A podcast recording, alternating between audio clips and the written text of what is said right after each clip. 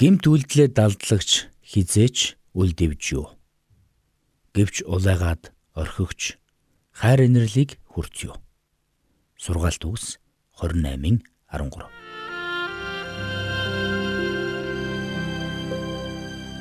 Мэргэний сонсог, мэдлэгийн тэлэг.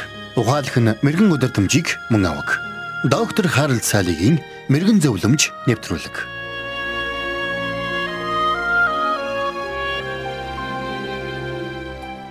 Бүх юмс өөрчлөгддөг.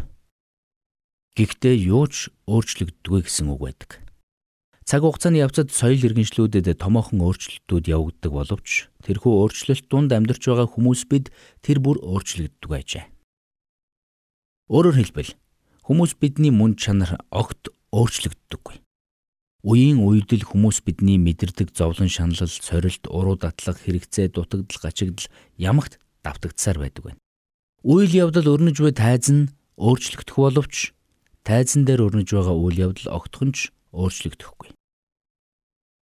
Би өөрөө мэрэгэн зөвлөмж нэвтрүүлгийг 1963 оноос хойш бэлтгэж үргэж байна.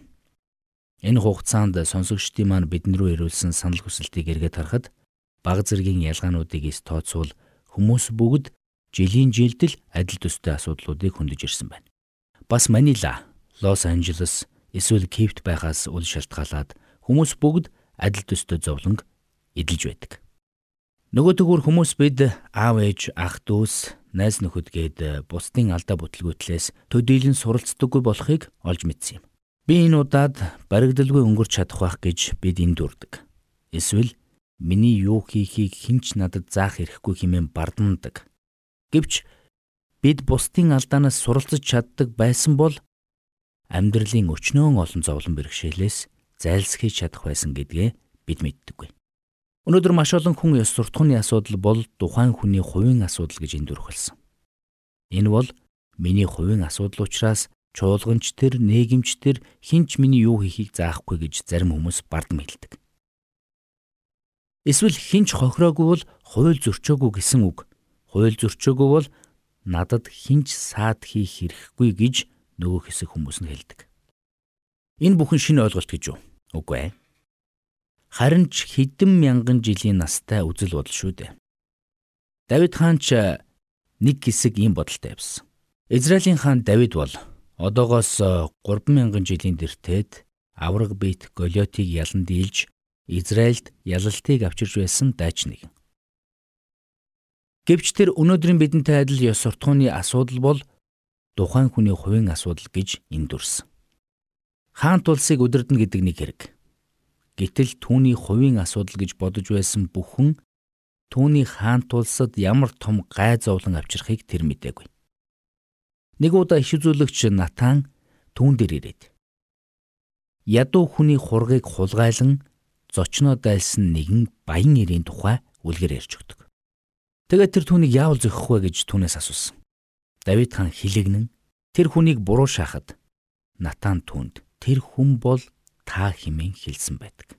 Ийхүү түүний нууцаар үлдсэн гим нүгэл олонний өмнө ил болж эцсийн дүндээ түүний гэр бүлийг сүрүүлсэн юм.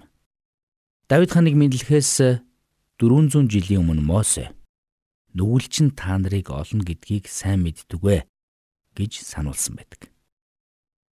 Энэ үг Мосегийн үед ч үнэн байсан. Давид хааны цаг үед ч үнэн байсан. Тэгвэл өнөөдөр ч үнэн хിവэрэ байна. Тиймээс гим нүгэлчин таныг олно гэдэгт та итгэлтэй байж болно. Таны буруу үйлдэлийн үр дүнд эхнэр чинь эсвэл таны ажилдаг компани чинь хохирсон байлаач ялгаагүй.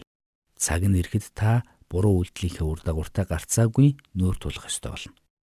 Тэр цагт нэг бол хувийн асуудал гэж бодож байсан зүйл чинь олны өмнө ил болж эсвэл мэс чанар чинь таныг амраалгүй зовоож эхлэх болно. Тэгвэл ийм нөхцөл байдлаас гарах гарц бий гэж юу? Мэдээж байгаа. Библиэд хэлэхдээ гимт үйлдэлээ далдлагч нь хизээч үл дэвж юу? Гэвч улайгаад орхигч хайр инэрлийг хүртё гэсэн байдаг. Энэ бол үнэхээр үр дүнтэй шийдэл. Гимшиж алдаа дутагдал, гим бурууга улайхан ихний алхам байна. Харин хоёр дахь алхам бол буруу үйлдэлээс эргэж өөр тийшээ алхах явдал юм. Хэрэг боломжтой бол танаас болж хохирсон нэгэнд нөхөн төлбөр олго. Энэ бүхний эцэст нэг л зүйлийг ойлго. Таны хувийн асуудал гэж бодож байгаа тэр зүйл чинь нэг л өдөр олны өмнө ил болох болно. Тиймээс энэ асуудалтайгаа аль болох эрт нүр тулж зүрх сэтгэл, оюун ухаан, ам амьдралаа амар тайвнаар дүүрэг. Энэ бол хамгийн зөв зам юм шүү.